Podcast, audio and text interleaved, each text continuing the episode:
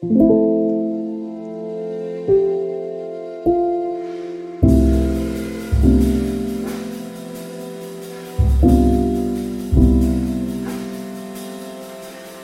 det att prata om allt? Är det till och med nödvändigt? Det här är en podcast som utforskar påståendet att hälsosamma relationer börjar med att våga säga som det är. Följ med in i en sårbart stark värld av både tårar och skratt. Varmt välkommen till Pingst Relationer.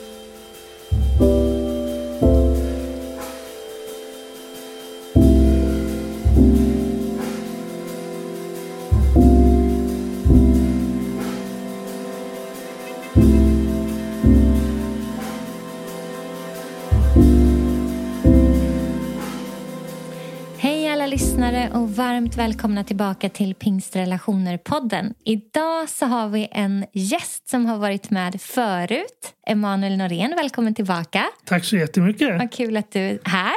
Spännande att få vara tillbaks. Ja, och eh, vi, Emanuel ska påminna er om vad han jobbar med och vem han är om en liten stund. Men jag tänkte ge en liten inledning till det här samtalet. För det är, jag har lyssnat igenom alla poddens avsnitt här efter jul. Jag tänkte att det var dags att på något sätt se vad det är jag har lovat er och vad jag har sagt att jag ska följa upp på. Vilka teman, vilka tankar, vilka gäster. Eh, jag inser att jag har sagt att jag till exempel ska ha en hel serie om vissa saker och sen har vi inte återkommit till det.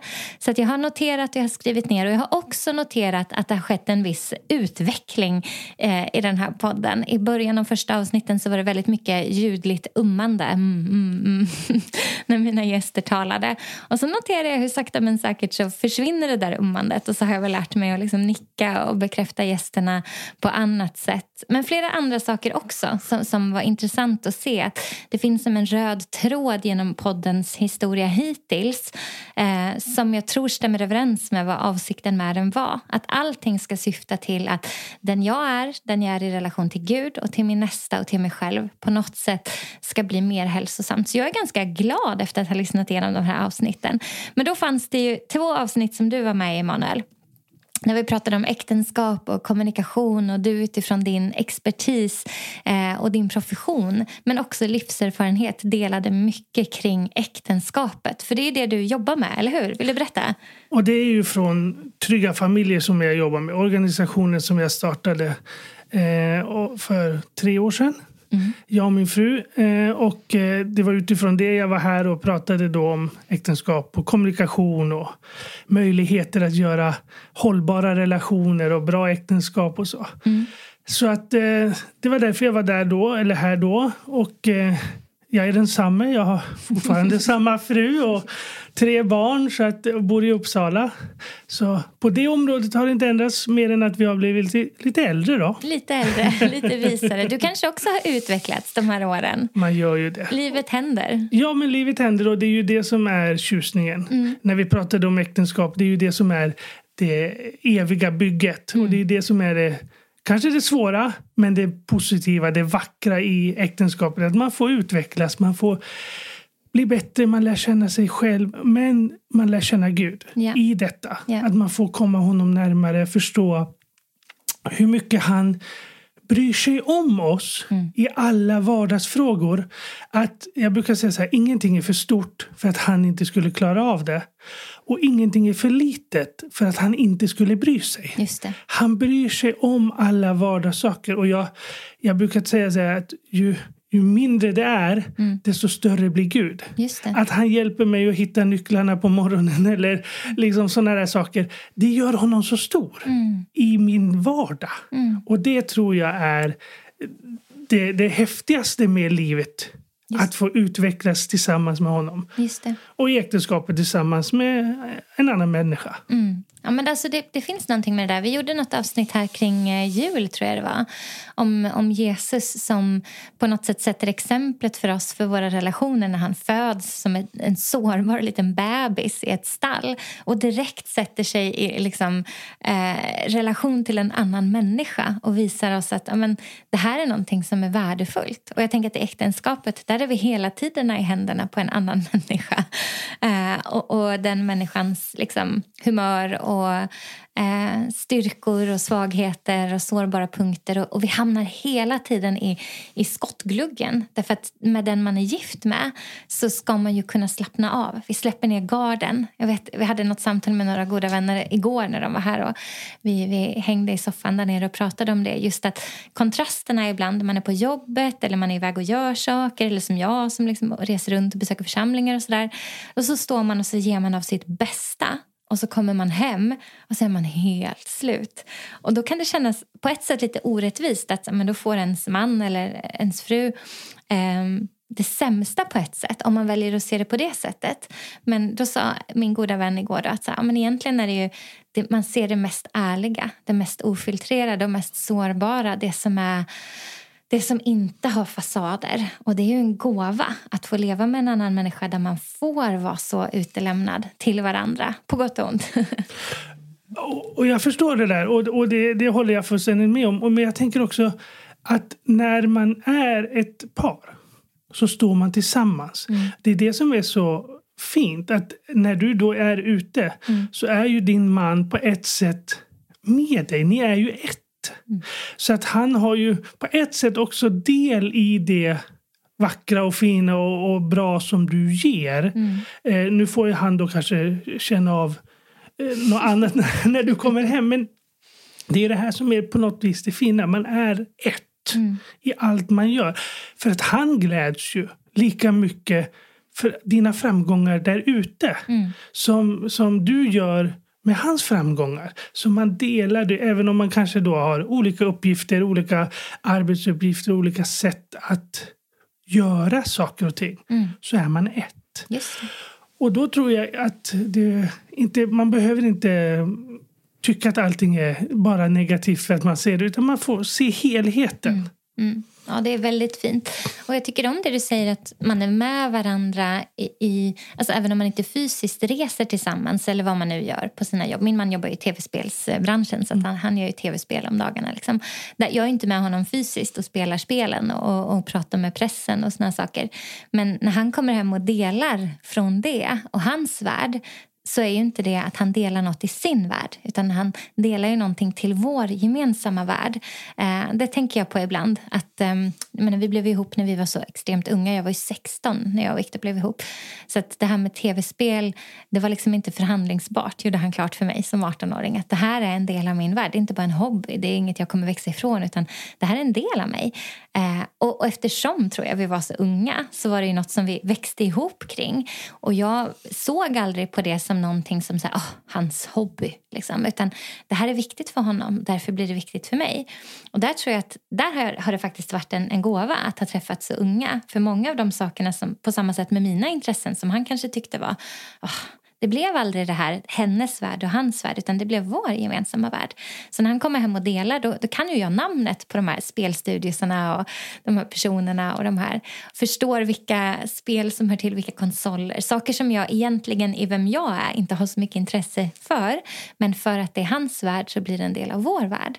Eh, så jag gillar den, jag gillar den bilden av att de är med, man är med varandra. Liksom. Så när jag Ja, det är bra. Vad jobbar Maria med, din fru? Hon är lärare. Hon är lärare? Så att, uh, hon jobbar med, nu är hon årskurs tre, hon jobbar på lågstadiet. Mm -hmm. mm. Så hon har barn som är i min dotters ålder då, om dagarna? Ja, Nioåringar? Ja. ja. Härligt. Ja, de är fantastiska. De, de är ju kvar i den här ja. åldern då, då, då fröken är bäst. Just det. Just det. när, när de kommer hem och säger att himlen är grön. Jo, men fröken har sagt det. Det spelar ingen roll vad för, föräldrarna säger. Så att, är det mycket teckningar och så som kommer hem då? Ja, det finns mycket teckningar. Finns. Och, ja. För era barn är lite äldre, eller hur? Alltså, vi har ju en som är eh, ska bli 22, ja. 20 ja. och så har vi en som ska fylla 10. Just det. Så hon går i den årskursen nu. Det är så. Just så vi fick den här bonusen. En bonus. Kände ni att ni blev eh, unga på nytt då eller kände ni att ni insåg hur trötta ni var? ah, vi vart ju inte unga Nej. Nytt, utan vi insåg att vi var i den åldern vi var. Just det. Realiteten kom ikapp. ja, det var väl det var ju lite chockartat i början så mm. att det var kanske inte bara liksom jättepositivt. Mm. För man hade ju passerat det där, man hade passerat allting och man såg framför sig att nu blev livet kanske inte lättare, men annorlunda och man kunde få lite annan fritid. Mm. Eh, den vart ju inskränkt. Men, men sen, så, sen så blir ju livet helt fantastiskt. Mm. Så att det... Ja. det är sådär. Men du, Manuel. Mm. Idag är vi inte här för att prata framförallt om äktenskap även om jag tror vi kommer in på det i det vi ska prata om. Utan vi ska prata om något som är ganska svårt idag. Eh, så vi vill egentligen varna, eller vi vill informera er lyssnare om att vi kommer ta upp ämnet suicid idag. Så för dig som känner att det är ett ämne du inte är redo att lyssna på just nu när du kanske var ute på en skogspromenad eller städade toaletterna som jag vet att många av er lyssnar på min podd när ni, när ni städar toaletterna. Det kanske inte är läge nu, utan du kanske ska pausa och återkomma till det här avsnittet när det är läge, när det finns utrymme. Eller så är det alldeles perfekt timing för dig och då är du välkommen med på resan. Men vi vill ändå vara, vara liksom lite ansvarsfulla och inte bara dundra in i det. Utan vi kommer beröra saker som har med förlåtelse att göra, försoning, hur man kan komma vidare i livet när det där omöjliga har hänt. Det där som nästan inte går att prata om. Och eftersom podden har någon slags tagline som är går det att prata om allt? Ja, men det går att prata om allt. Så vill vi göra det idag. Eh, och vi vill inte göra det slarvigt utan vi vill också vägleda igenom och visa att det finns, det finns ett liv på andra sidan till och med av det omöjliga när det har hänt. Eh, vill du lägga till något mer där innan? Ja, men när man pratar om sådana här ämnen så, så är det ju lätt att man kanske eh, för att jag då har lätt att prata om det mm. kan låta slarvig eller kan låta generaliserande eller kanske nonchalant på något vis. Och, och då, du som lyssnar, du ska absolut inte känna det utan vi, vi, vi är ju på olika platser. Mm. Och det betyder inte att du är fel eller gör något fel eller tycker något fel eller känner fel. För det du känner, det känner du. Det, det är din verklighet. Mm. Eh, det här är min verklighet och vi har säkert stött på samma känslor. Jag har kanske passerat dem just nu då i den här frågan. Eh, och, och, jag vill att det ska vara, det ska få sluta positivt. För att för Gud är alltid positiv. Mm. Gud har alltid sista, mm. liksom, sista rösten. Han har alltid sista ordet i allting om vi tillåter honom till det. Mm. Så att, som du säger, jag tror att man kan hitta, alltså inte något positivt i det. Men erfarenheten av det när man har gått igenom. För Gud lovar att han ska gå med oss igenom. Då kan det bli en styrka för oss mm. om, vi, om vi väljer det. Ja. Det finns vissa val det finns, och sen får Gud göra liksom ganska mycket i en sån här process. Mm. Men ställer vi oss till hans förfogande där och vågar öppna oss så, så kan det bli bra. Just det. Nej, det är jättebra. Och jag tänker, när, du, när du delar det där så tänker jag på när jag har delat lite kring min historia och så i andra sammanhang. Jag har inte gjort det så mycket i podden men, men när jag har varit på församlingsbesök och så så brukar jag ta upp det här som står i, i Romarbrevet om att allt samverkar till det bästa eh, och så vidare. och så vidare. Eh, att det betyder inte att allt det här som händer är det bästa. Men nu trots att allt det här som har hänt så kan Gud väva sitt guld i ärren av det som har hänt så att det ändå kan finnas någonting att, att finnas som inte är skräp. Det, det, är liksom inte att han orsakar stormen, det är inte att han sänder kaoset eller krisen. Men nu när den ändå har hänt, för att världen är trasig och vi lever i en fallen värld så får vi hålla fast vid att vår Gud är inte trasig, mitt i det som är trasigt runt omkring. Utan nu när det ändå har hänt, hur kan jag göra någonting gott av det? Så att det samverkar till det bästa utifrån vem han är, inte utifrån hur omständigheterna förändras. Och det tänker jag också är viktigt, för jag vet att det finns många, och många i den här podden också som lyssnar som som har varit med om att man har använt teologin på ett sätt som har skruvat det lite när det kommer till smärtsamma upplevelser. Och det vill ju inte du och jag göra. Absolut inte. Tvärtom. Och, och jag bara tänker på det här, för eh, på kontoret fick vi av en, av en eh, konfident en vas som hon hade lagat med guld. Och jag, nu kommer inte jag ihåg vad det är. Konsikuro. Är det japanskt? Jajamän. Du kanske har pratat om det? Nej, kör, berätta. Ja, men det är ju det här att, att i Japan så lagar de krukor och sånt som går sönder med guld. Mm. Så den blir liksom på ett sätt vackrare. Ja. Skadan syns, mm. ärret märks. Men det är fyllt av guld. Det är de här guldtrådarna som du pratar om. Mm. Och är, vi har en sån vas på kontoret och den påminner oss alltid om att vi är sköra och det, det, livet är skört. Mm. Men resultatet kan ändå bli något vackert. Mm. Det kan vara något fint och det kan vara en påminnelse om vad vi har varit. Men det blir ju en påminnelse om att Gud har tagit hand om oss i den här situationen. Och sen att få känna att jag kan använda det som en styrka. Nu låter det liksom kanske konstigt, men det blir en styrka. Mm. Och när man tittar i backspegeln så ser man hur god Gud har varit mm. genom hela resan. Mm. Och det ser man ju inte kanske i resan för då är det kaos, då är det kris och man, man, man, känslorna far runt.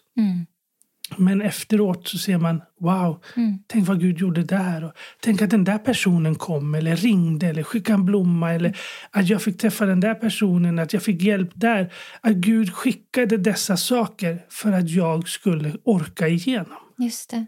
Och det där är så vackert, därför där ser vi också hur andra människor blir en del av det här guldet. Att, att jag menar, när Gud säger att vi ska älska honom med allt vad vi är och vår nästa som oss själva så är det den här kärlekstriangeln som på något sätt, en bra kärlekstriangel där Gud håller i på något sätt hela kärlekskonceptet för att han själv är kärlek och vi älskar för att han först har älskat oss. Så att förutsättningen för att kunna leva älskande är att vi lever älskade både i relation till Gud men också oss själva själva. Och där kan vi se hur det på något sätt spelar ut sin roll också när livet stormar.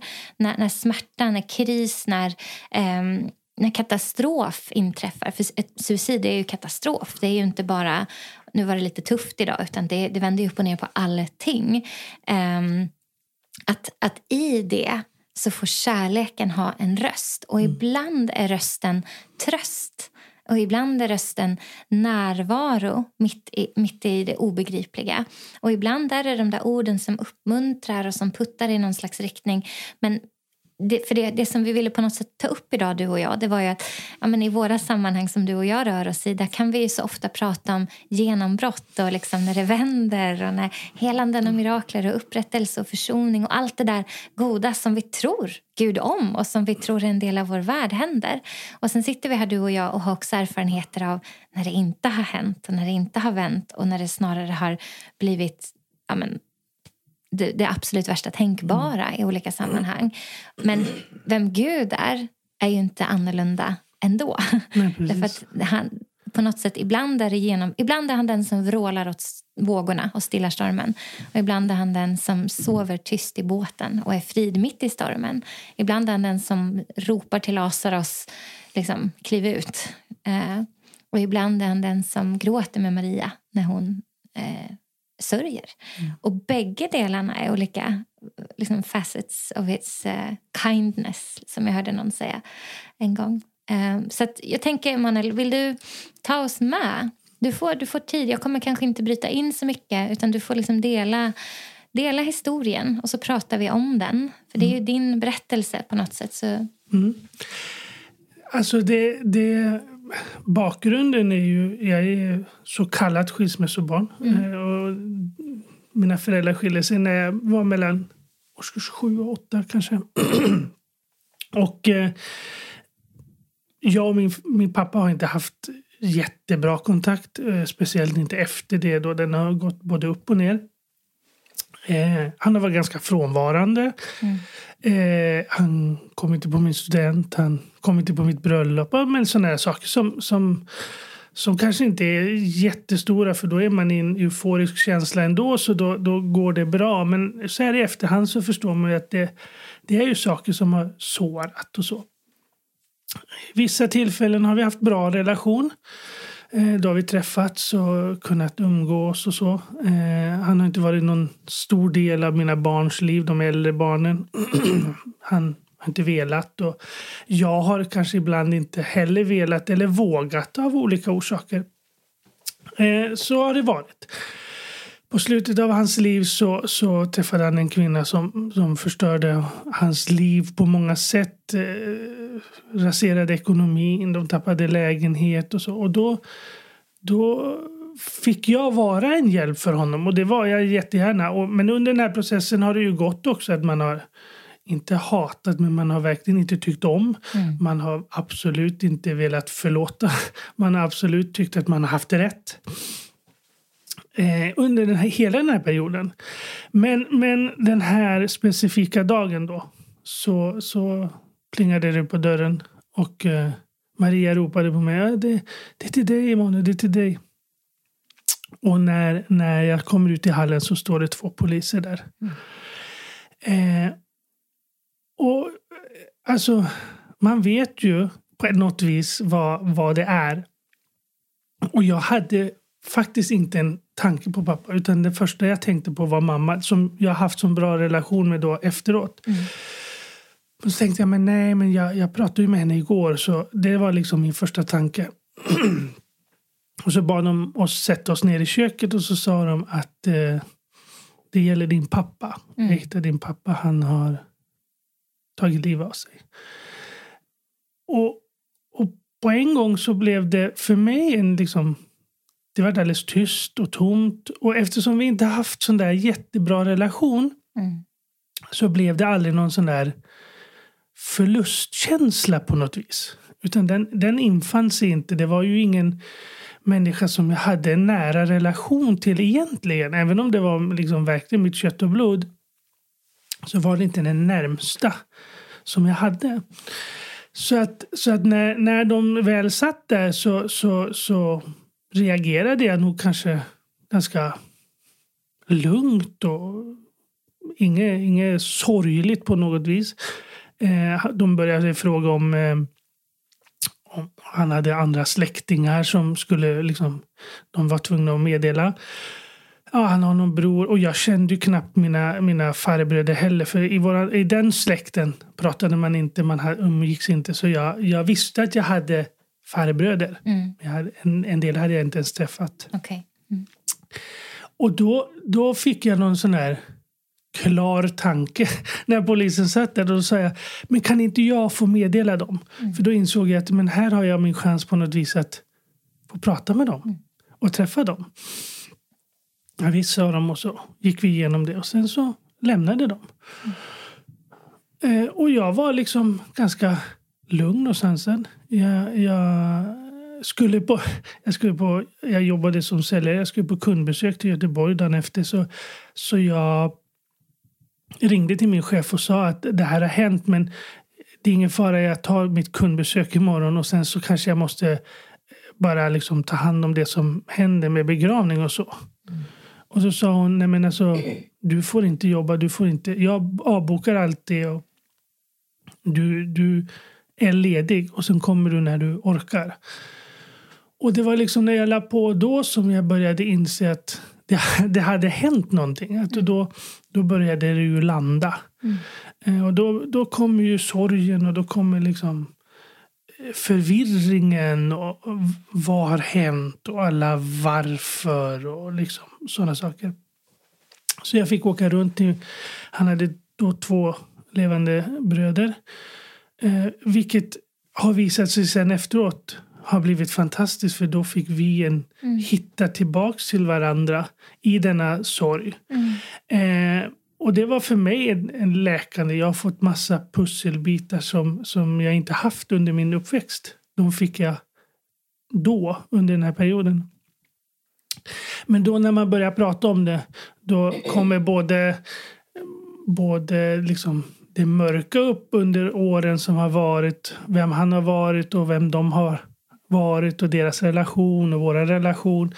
Men också så får man liksom de här pusselbitarna som gör att ens liv blir lite mera fullkomligt. Mm.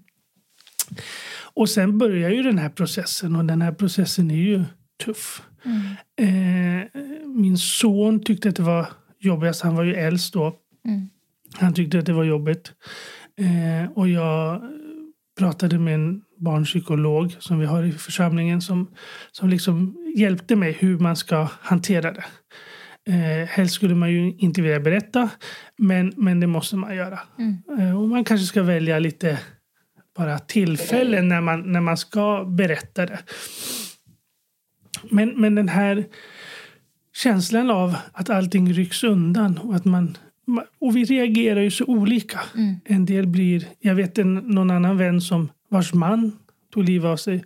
Hon bröt ihop bara där och då. Mm. Och polisen fick stå och hålla fast henne och krama henne. och liksom så. Jag var ju inte så. Utan det kom ju successivt. Eh, minnena från barndomen kom. Eller bristen på minnen och bristen på kärlek och sådana saker gjorde sig gällande då i den här processen. Eh, och, och jag hade ju under tiden, tack och lov, eh, innan fått bestämma mig för att jag, jag, jag tyckte inte alltid att pappa var den bästa. Fått förlåta honom. Och jag, jag hann göra det på ett sätt innan. Alltså jag var liksom... Klar är man kanske inte. Men jag hade ju i alla fall liksom accepterat att det var som det var och hade varit som det var. Men, men eh, det, var, det var ju ändå en tuff resa att man liksom inte fick säga hej då eller man fick inte säga någonting eller vara med på det sättet. Mm. Min son tyckte att det var jättejobbigt. Vi pratade ju mycket om det. Mm. Och där, där var det en process som var hjälp, läkte mig. Att vi fick styrka varandra, hjälpa varandra. Eh, ibland var han jätteledsen, ibland var jag jätteledsen. Jag vet någon, något tillfälle så hade, min, hade jag brustit och skrikit och gapat för att men man, man är ju i liksom, Mm. en känslostorm. Eh, och då vet jag att jag gick eh, in till hans rum och satte mig på hans säng och liksom bad om förlåtelse att jag hade skrikit och varit så och grät. Och då vet jag att han sa, men pappa, eh, gråt färdigt så kan vi prata sen för jag hör inte vad du säger. ja, och så fick han liksom vara styrka och så fick jag vara styrka ibland. Så att på det sättet var, var det ju en process som vi kunde gå igenom tillsammans. Hur gammal var han då, din son? Han var... Han gick i skolan, han hade inte ens börjat i högstadiet tror jag. Så att han, han var ju liksom, men han var medveten om det och ville veta hur det var. Mm. Eh, och jag vet att han frågade någon gång, pappa jag vill veta hur farfar dog. Mm. Och då frågade jag varför. Ja, men jag, vill, jag vill bara veta. Ja, men vad är det som du vill? Ja, men jag vill veta att han inte tog livet av sig. Åh. Och det kunde du inte ge honom? Nej. Då, och då pratade jag med, med psykologen också. Och då, då hade hon sagt att du kommer att behöva berätta det. Mm. Eh, och då, men då, då skulle ju pappa på, min pappa då på obduktion. Så då sa jag så här, men då, då sa jag till Isak att eh, farfar ska obduceras. Och när han har obducerats då kommer vi veta exakt vad som har hänt och så. Och då gav jag både mig själv och honom lite tid. Det. Och det var faktiskt ganska skönt för att sen så kunde, då hade vi på ett sätt en tidsram, ett datum som jag visste att vi gick emot. Mm. Och han visste ju också att det skulle komma och då kunde vi prata om det då och ta frågan då. Och då hade jag ju kunnat processera det lite mera. Just det. Och då var jag lite mera redo att kunna berätta det för honom. Åh. Vad svårt. Ja, men det, det, är, det är tufft och det, det är ju många som, som faktiskt får gå igenom sådana här saker. Ja, det är det. Och jag vet att, att eh, när, när det hände och när jag liksom... Vi fick ju fantastisk hjälp från församlingen. Pastorer kom och pratade med oss och pratade med Isak och så. Eh, så, så bestämde jag mig någonstans att jag ska inte... Jag behöver inte fläka ut mig helt, men jag, jag ska inte på något vis skämmas för det. För jag kan inte stå för det. Eh, men jag ska liksom berätta det. Jag ska liksom för min egen skull inte dölja det för jag tror att det är farligare. Att göra det till en hemlighet. Liksom. Ja, men en hemlighet att, man, att man inte vågar berätta. Nej, för då äger skammen det.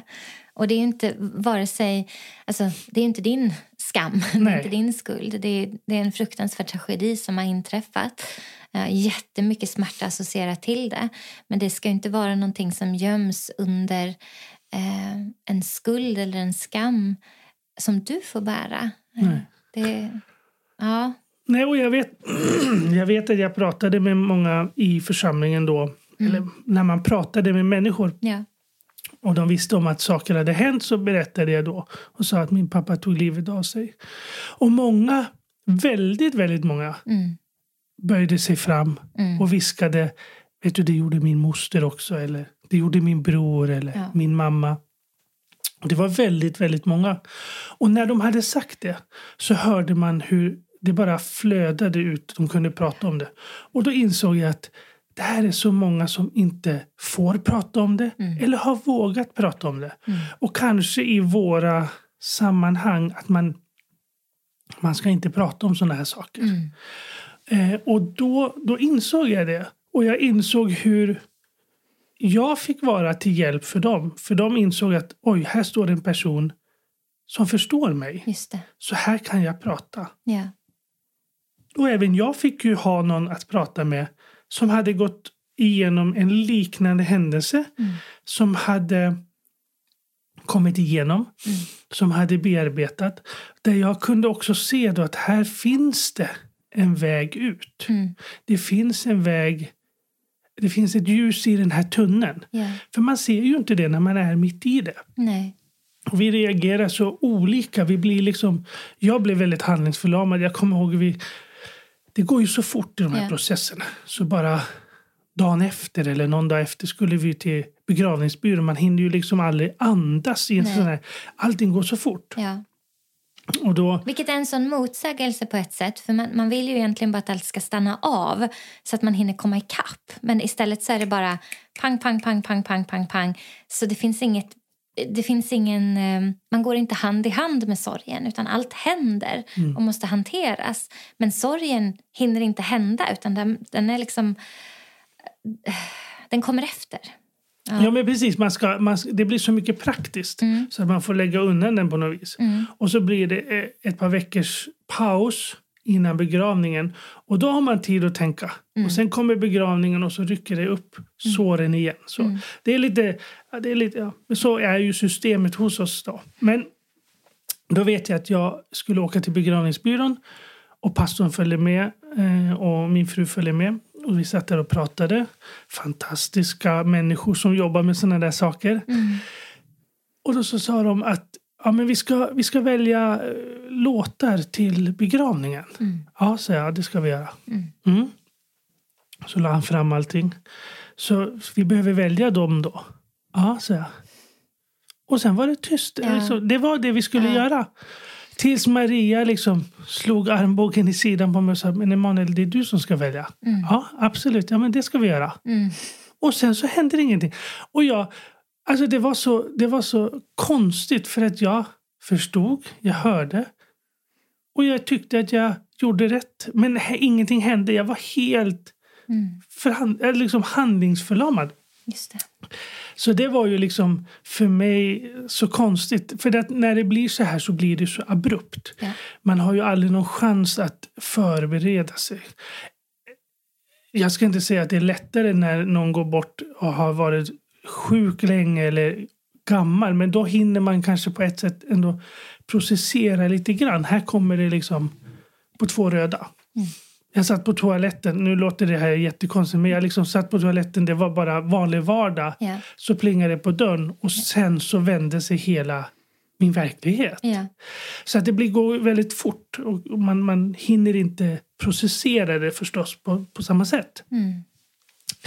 Men, och, och det här handlingsförlamningen, den, den för mig när man tittar efteråt var ju liksom, speciell och Mm. jobbig. Mm. Sen kom ju, eftersom det är självmord då, så, så kommer ju polisen är ju inblandad och man ska hämta alla hans grejer. Och, och, och det här är ju så, alltså, här, här blir ju våra historier olika Ja. beroende på vem man träffar i den här processen. Mm. Många av de här personerna är ju väldigt, väldigt duktiga Mm. i de här processerna så att man får ju hjälp. Men så kan man träffa rötägg. Man kan träffa sådana som kanske inte skulle vara på den positionen. Och vara. Mm. Jag hade en poliskvinna som, som tyvärr var sån. Okej. som när, när hon lämnade tillbaka alla grejer också skulle lämna tillbaka det som han använde för att ta sitt liv. Okej. Och du vet, Åh. då blir det väldigt sådär... Och hade du information om hur han hade gjort det och så? Så du visste vad det var du fick i handen Ja. så att säga? Han, han hängde sig i Ah, okej. ett trapp, trapphus. Okej. Och då, då liksom tar hon fram Ja. repet och säger vill du ha det här? Nej men, Och du vet, det blir så konstigt. Så jag menar, i de här processerna så träffar man ju på olika saker. Och man slås av olika saker utifrån. Eh, och har man, som jag hade familj och fru som står med en och en församling som står med en så är det helt fantastiskt. För då kan man få styrkan och hjälpen, omsorgen runt omkring. För jag tror att i en sån här process måste man, eller man, det är en sån styrka att ha folk runt omkring sig. ja. Och, och där vill jag säga att jag, om man hamnar i den här situationen, dra det inte bort Nej. Ifrån någon gemenskap. Göm dig inte, stäng inte in dig, utan gör dig tillgänglig för folk att få vara din hjälp. Mm. Sen, sen, sen kan man säga nej, men man, bara att man vågar ta hjälp eller vara runt folk som faktiskt bryr sig. Mm.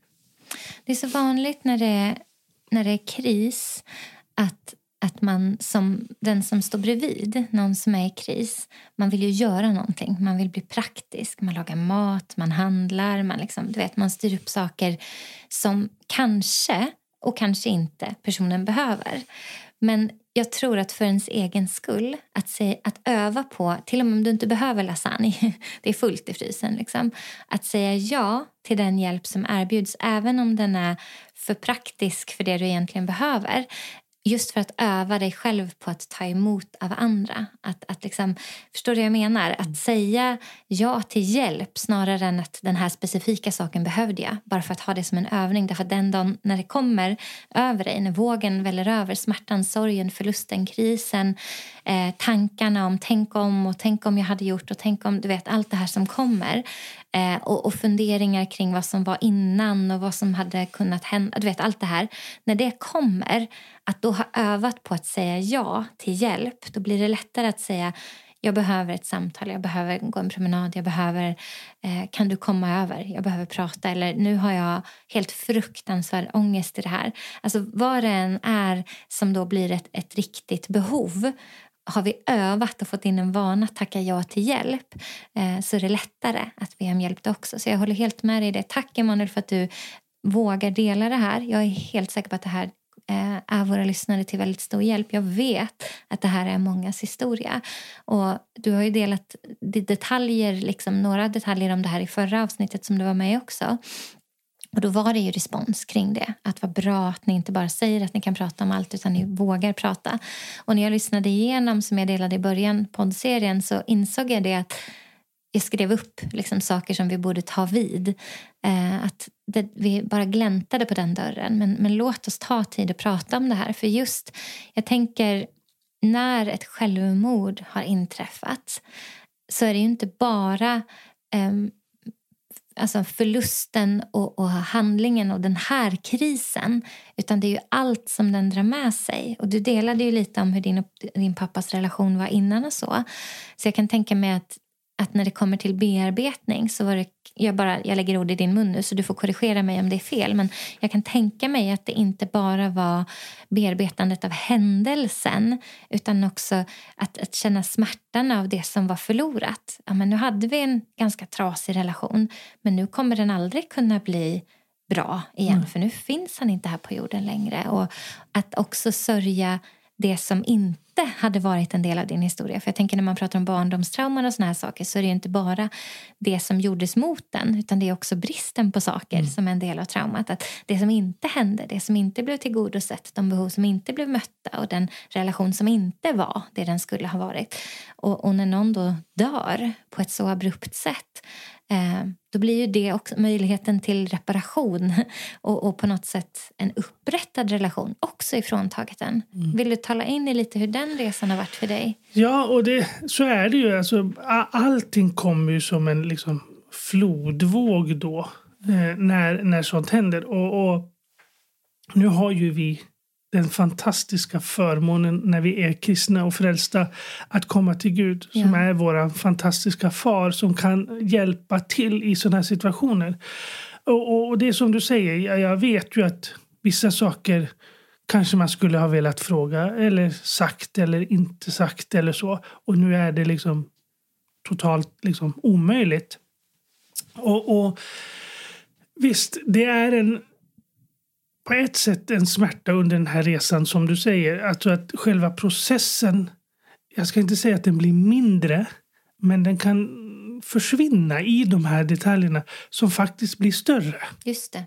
Bra Att- formulerat. Att bristen på min relation med pappa då blir en större fråga för mig än just själva den här händelsen.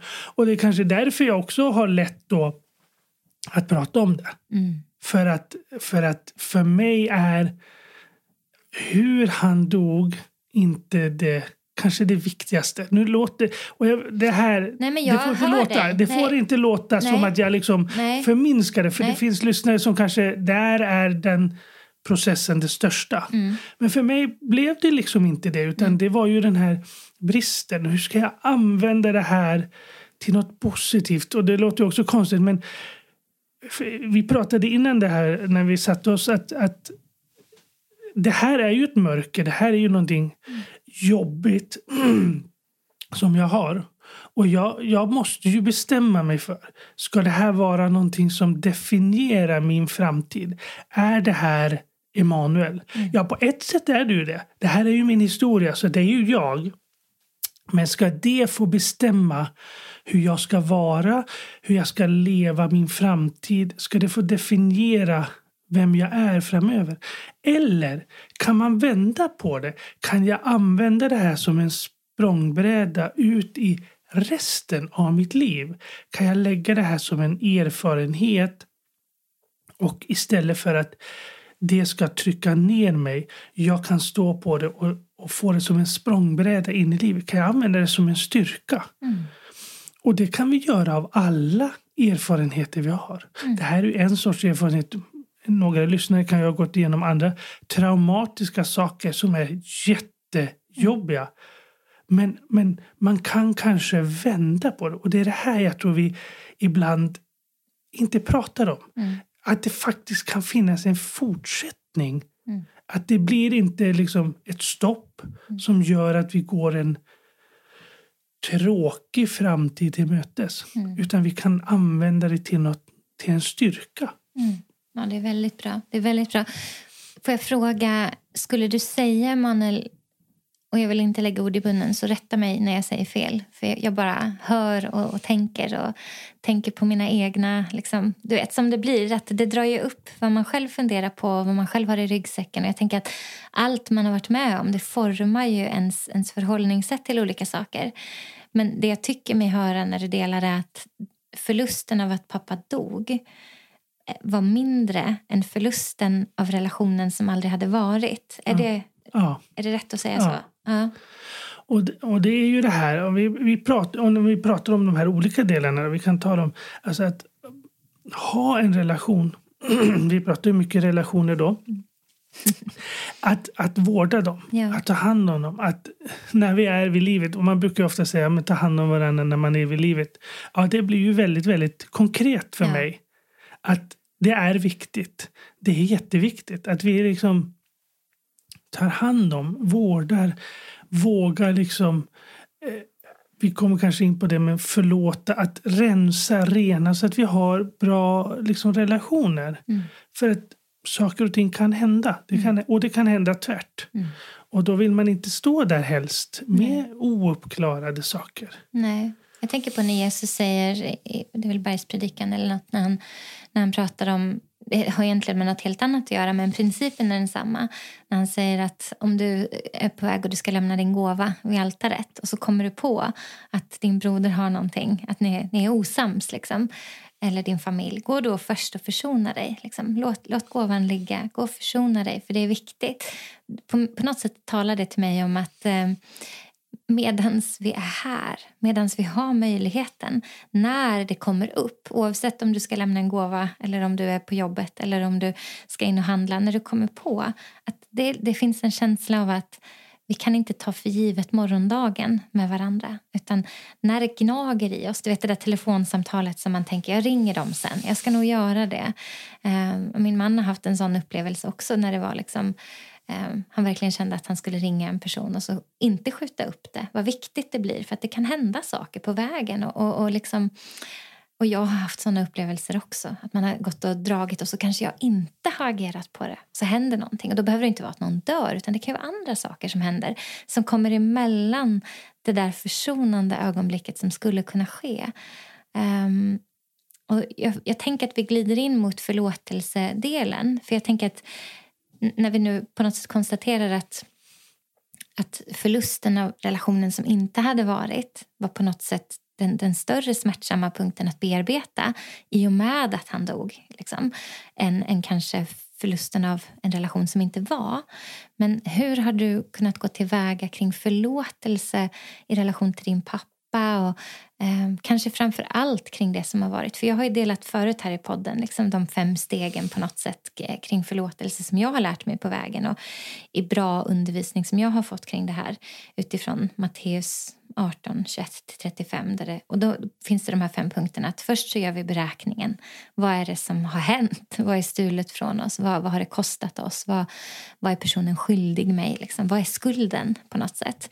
Och sen steg två, att bryta lögnen att personen som har sårat oss eller stulit något från oss eller vad det nu är kan återgälda det. Därför att vad den än gör så kan det inte göras ogjort. Det här har fortfarande hänt eller det här har fortfarande inte hänt om det handlar om en relation där det har brustit. Eh, och steg tre, att, att liksom ställa sig frågan om huruvida det som Jesus gjorde på korset är nog för att betala skulden åt dem. Och fyran, ge det till Jesus. Och femman, stäng ner skulden. Utifrån de fem stegen och på något sätt din egen resa, tycker du att de är rimliga i relation till det här eller skulle du vilja korrigera på något sätt när verkligheten träffar? Du vet, det är lätt ibland. Du och jag sitter och du sitter i samtal med människor hela tiden och liksom, man delar saker utifrån att så här är det ju. Men sen så ibland så krockar ju verkligheten in i det som händer. Hur jag vet inte, I mitt eget liv har jag fastnat på steg ett så många gånger. Man måste göra listan hur länge som helst för att det tar aldrig slut. Liksom. Och konsekvenserna av det som har hänt eh, jag ser det på så många områden och då kan man haka upp sig där så länge. Men hur har du kommit vidare? och ah, Bara tala in i det här, är du snäll. Hjälp ja, oss. Ja, men de, de där stegen är ju, är ju jättebra och, och de, de håller nog väldigt, väldigt bra. Eh, men det är som sagt, när verkligheten kommer till så är de kanske inte lika lätt att gå igenom Nej. som att läsa igenom dem nu. Mm. så det, men, men, men att gå igenom dem är nog viktigt. Mm. Eh, och det kan ta olika lång tid och vi gör det på olika sätt. Och det är här, det finns på något vis inget rätt och fel. Att som du säger, man kanske hamnar och fastnar i en av de här punkterna eller en av de här stegen och är där jättelänge. Medan någon annan har lättare att komma igenom. Och så tycker man att ja, den där människan han var ju fantastiskt kristen och jätteduktig. Mm. Medan jag då inte är det. Mm. Nej, så är det inte. Utan vi är olika. Vi har olika erfarenheter, vi har olika uppväxter, vi har olika bakgrunder, vi har olika ryggsäckar. Allt det där påverkar. Och någonting som jag då kanske eh, fick gå igenom, det var ju att också förstå, när jag fick lite av de här pusselbitarna som jag fick av mina farbröder och, och släkten som jag kunde kontakta då. Det var ju att jag insåg också att pappa har ju inte gjort allt det här av ondo. Just det. Mm. Alltså han har ju inte han har ju inte brustit för mm. att han har varit ond mot mig. Han har ju brustit för att han har haft en brist i sitt liv från sin uppväxt. Mm. Från sin, sin liksom uppväxt med, med vad som har hänt med hans pappa och mamma och vad som har hänt med hans bröder. Det har ju format honom. Och när man kan se att en annan människa kanske har gått igenom saker som påverkar. Då för mig, det behöver inte alltid bli lättare, men för mig gav det en förståelse. Mm. Och då kan man kanske också säga att ja, när man tittar på sitt eget liv att jag är ju inte helt perfekt är själv. Inte det? Nej, jag är ju inte det. Och, och det kan ju jag hänvi hänvisa till min barndom. Ja. Ja, men då, då kanske jag inte ska liksom skuldbelägga honom för allt för att, att han har varit ond. Utan han har varit påverkad. Och den generationen fick kanske inte alls möjligheten att få samma hjälp som vi har nu.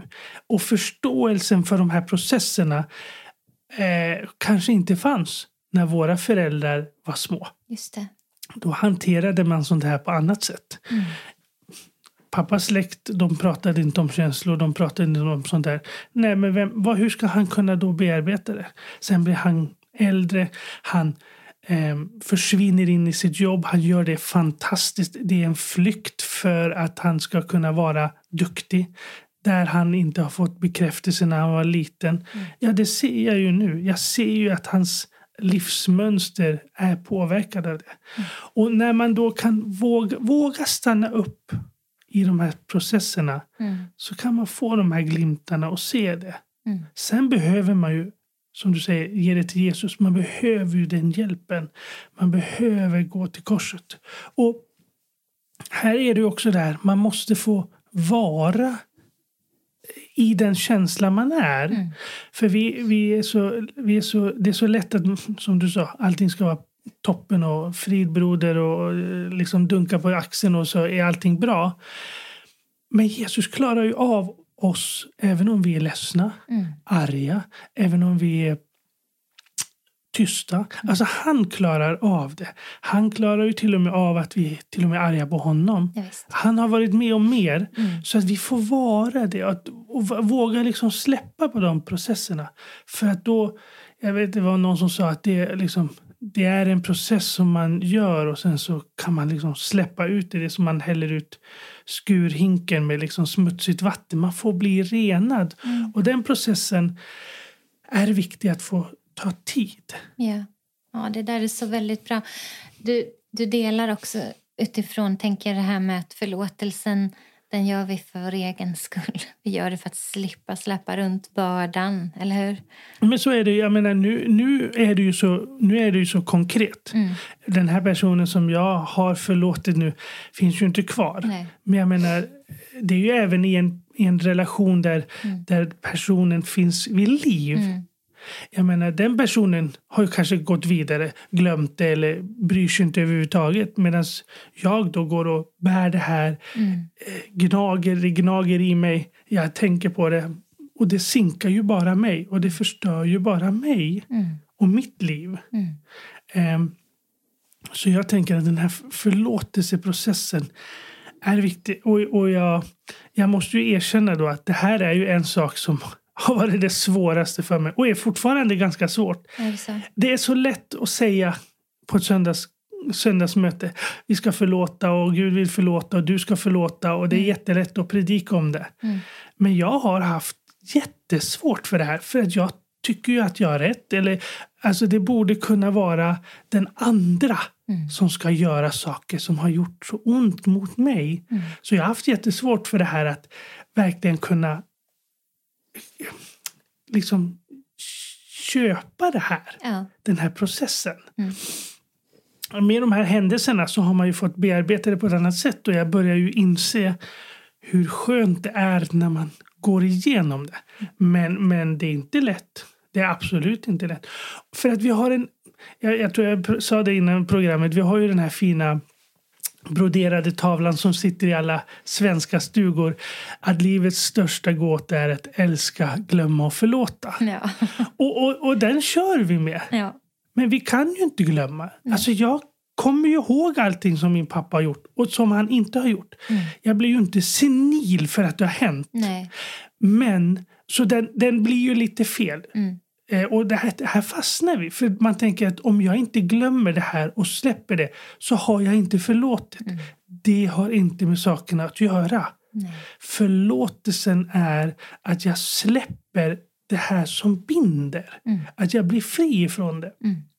För sen kan det ju vara så att om jag, du och jag har, Kristina, om du och jag har en konstig relation Ja. och så förlåter jag dig. Det kan ju betyda att vår relation efter det inte ser likadan ut. Nej. Den behöver inte vara exakt samma. Nej. Den behöver inte, vi behöver inte komma tillbaka till samma.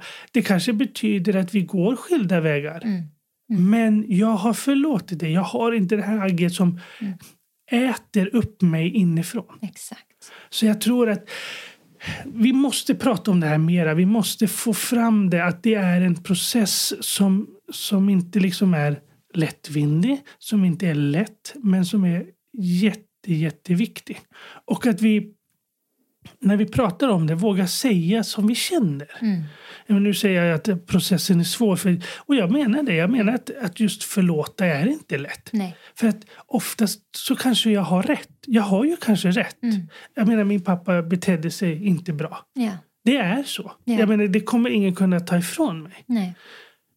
Men, men den enda som liksom måste kunna bli fri, det är ju jag. Mm. Ja, och det, där, det, där, och det här är väldigt bra. Det, där har du också den här i listan, hur svår den än är, när man, men den hjälper oss. Liksom. Ja, men allt det han har gjort mot dig och allt det som han har brustit i i relation till dig, det står ju där på ettan. Det har fortfarande hänt. Du får säga sant om det, vi får validera det, vi får bekräfta det, vi får vara ärliga om det. Det här är ansvarsutkrävandet som egentligen han borde ha kunnat ge dig. Och så tvåan, men han kan inte det. Vi bryter den, han kommer inte kunna lösa det här. Och nu kan han verkligen inte det. Till och med om, om han nu skulle kunna det så kan han inte det. Kan Jesus det? Ja, fast jag har väldigt svårt. Du vet, och så kan vi fastna där och känna att ja, men Jesus, även om du historiskt sett på korset tog den här skulden ifrån honom och försonade den. Så här och nu så lider jag ju. Så då blir, det blir snarare tror jag en teologisk fråga för oss huruvida vi tror att Jesus här och nu kan läka våra sår och möta vår smärta och bekräfta oss i det som är konsekvensen av det som blev gjort mot oss. Än om han historiskt sett på korset försonade personens skuld och synd. För det, det tror jag vi har ganska lätt för att se. Det är inte det som trean är svår för, tror jag ofta. Utan inte i mitt liv i alla fall. Utan det, det är jag okej med. Utan det som jag på något sätt har hållit emot Gud många gånger har varit att tror jag verkligen att du kommer kunna kliva in och laga det här i personens ställe. Alltså om det här har brustit, om, om trygghet och tillit har brustit i min historia, i min ryggsäck. Kan du vara min trygghet? Kommer du ge mig relationer som är trygga? Kommer jag kunna lita på dig? Mm, det är svårt. Det är inte alltid jag har tyckt att det har varit lätt. Så det är snarare de aspekterna av förlåtelse i relation till Jesus också. Att faktiskt ha tillit till att Jesus är... Alltså när, när bibelordet säger att, att vi ska förlåta... Alltså när vi ber Fader vår. Förlåt oss våra skulder, liksom vi har förlåtit dem som står i skuld till oss. Det där liksom är ju ett krångligt ord i det här. För jag kan inte förlåta liksom Jesus kan förlåta. Jag kan ju bara förlåta för att han kan förlåta. Han är försoningen själv.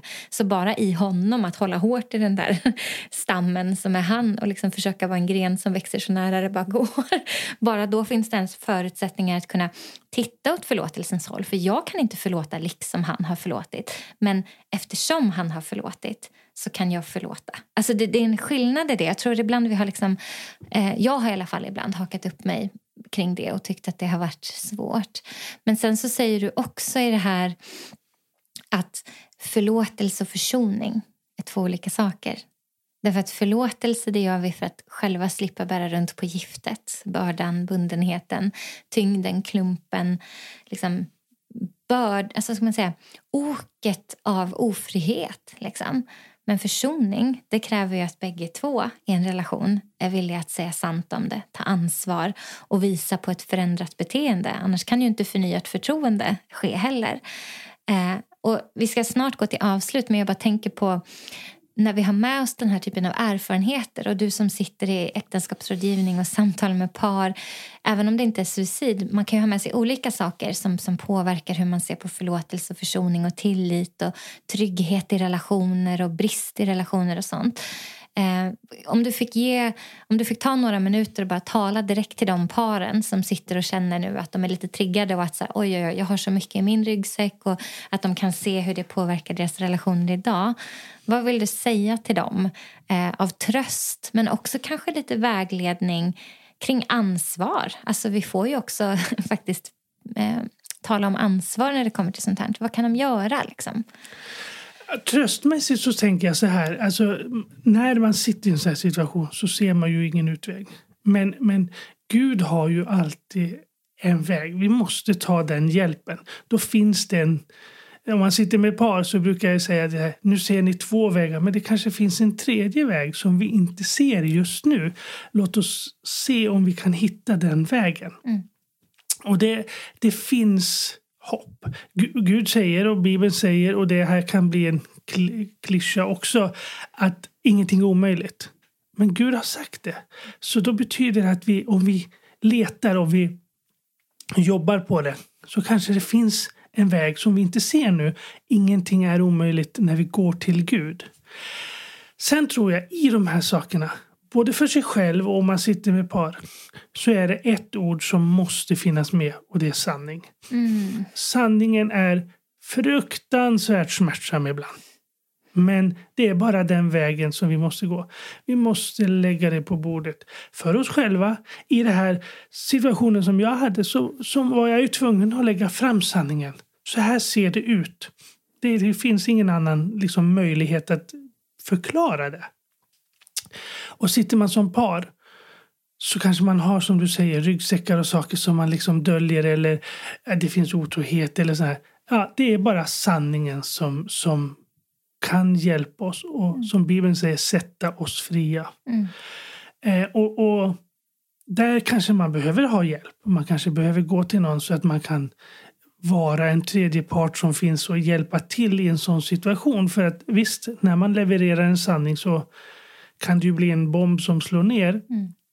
Men jag tror att våga vara ärlig och sann. Det är, det är lätt att säga om man tycker när man inte sitter i situationen att det är klart att man ska vara.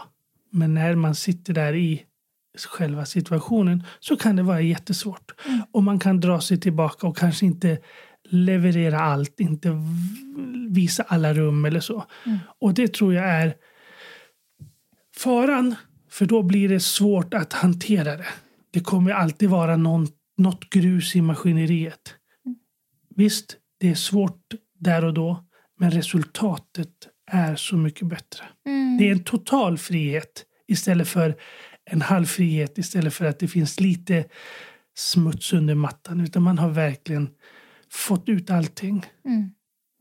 Det är jättebra. Tack, Emanuel. Och jag tänker att när vi säger sant om det som är svårt då kan vi börja hantera det. Det, det går liksom inte annars.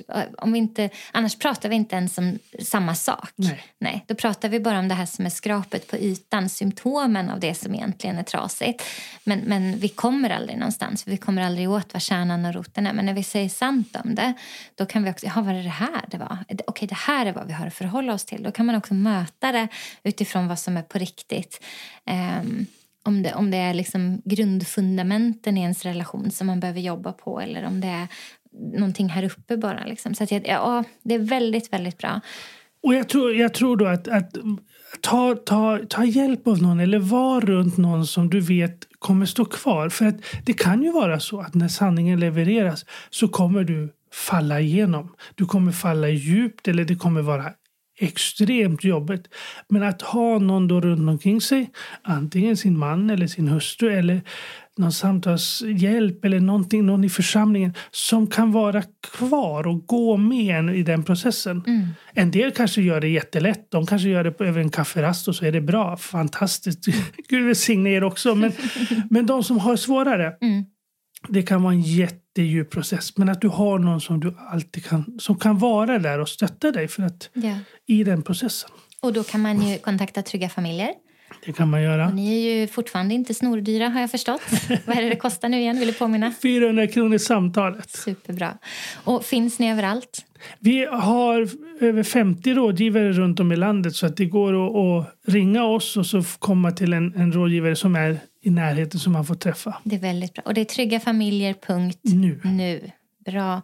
Så otroligt bra. Emanuel, tack så jättemycket. Du är verkligen fantastisk. Jag tycker att det är så lustigt också varje gång som du är här. Så vi tittar bara på varandra och bara pratar. Jag missar att jag har anteckningar vid sidan om. Så jag kommer märka efterhand om vi har missat något. Så får vi ta det i tredje avsnitt. Vi får komma tillbaka. tack så jättemycket att jag fick komma. Ja, du är, du är en klippa. Och jag tycker så mycket om att prata med dig om såna här saker. För när du avslutar nu med att prata om sanningen som sätter oss fria. Det du har delat idag och vågat vara ärlig och transparent och sårbar omkring det blir ett vittnesbörd i sig om att det är sant. För du skulle aldrig kunna jobba med de här sakerna om du inte hade rotat i din egen ryggsäck och vågat lägga saker på bordet. Så jag är väldigt tacksam för att du finns i den tjänst du finns och att vi får möjligheten att samarbeta och du är jättevälkommen tillbaka. Vill du ha något avslutande ord eller ska vi säga så? Nej, men jag vill bara tacka att jag får komma och jag vill önska alla tittare verkligen alltså, en, en möjlig väg ut det här. Jag hoppas verkligen att ni ser att det finns ett hopp, att det finns möjlighet, att det inte är nattsvart. Även om det är det just nu så finns det ett ljus längs med vägen. Mm. Och jag vill verkligen ingjuta hopp och jag hoppas att de har fått ett hopp istället för att det bara blir mörker. Det tror jag. Jag tror att det vi har sagt idag det är att det går att prata om det, det som är nattsvart. Du är inte ensam. Det spelar roll hur vi bemöter varandra i kriser. Eh, teologin som vi har säger både att Gud är tröst mitt i stormen och den som kan ändra omständigheter. Han kan väva in sitt guld i våra ärr och då kan det ändå trots allt, trots att det har hänt, samverka till det bästa. Eh, inte att det hände för att någonting annat skulle hända utan nu när det ändå har hänt så slösas det inte bort. Vår smärta slösas aldrig bort utan den tas tillvara på. Och vi människor behöver varandra. Smärta som bärs i grupp är lättare att bära än smärta vi bär själva. Och när man ser konsekvenserna av eh, ens egen historia och hur de liksom utspelar sig igen i ens relationer i nutid, då finns det hjälp att få. Så människor som kan gå med en på vägen. Det känns väldigt hoppfullt.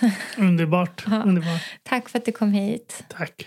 Och tack till alla er som har lyssnat. Jag är helt säker på att ni satt och antecknade så pennan glödde där och fick tag på mycket mycket guldkorn och mycket skatter. Och jag skulle vilja utmana dig som känner att det här avsnittet behöver min kompis få höra. Det här avsnittet behöver min granne få höra. Det här avsnittet behöver min mamma få höra. Det här avsnittet behöver min pastor få höra. Skicka det till dem och säg jag tänkte på dig när jag hörde det här. Det här kanske kan ge lite hjälp och lite tröst.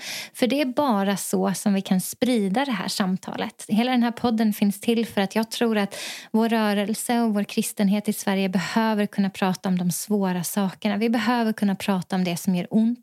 Vi behöver våga prata om det som har gått sönder och hur våra relationer, vår historik, våra trauman, vår, våra sår, våra bördor, våra svagheter, vår mänsklighet, hur det faktiskt påverkar alla våra relationer med Gud, med oss själva och med varandra.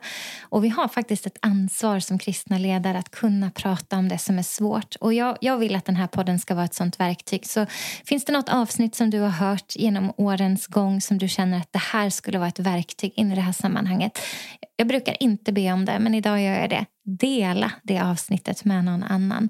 För det är till stor, stor hjälp. Och har du lust att hjälpa till att sprida det goda ryktet om den här podden så får du jättegärna sätta en recension och de, det antalet stjärnor du tycker att den ska ha och skriva någonting. För det hjälper till så att fler ser podden och så att fler kan få ta del av det hoppfulla budskapet som vi försöker sprida här. Att det går att prata om allt. Kan vi prata om det, då kan vi också hantera det.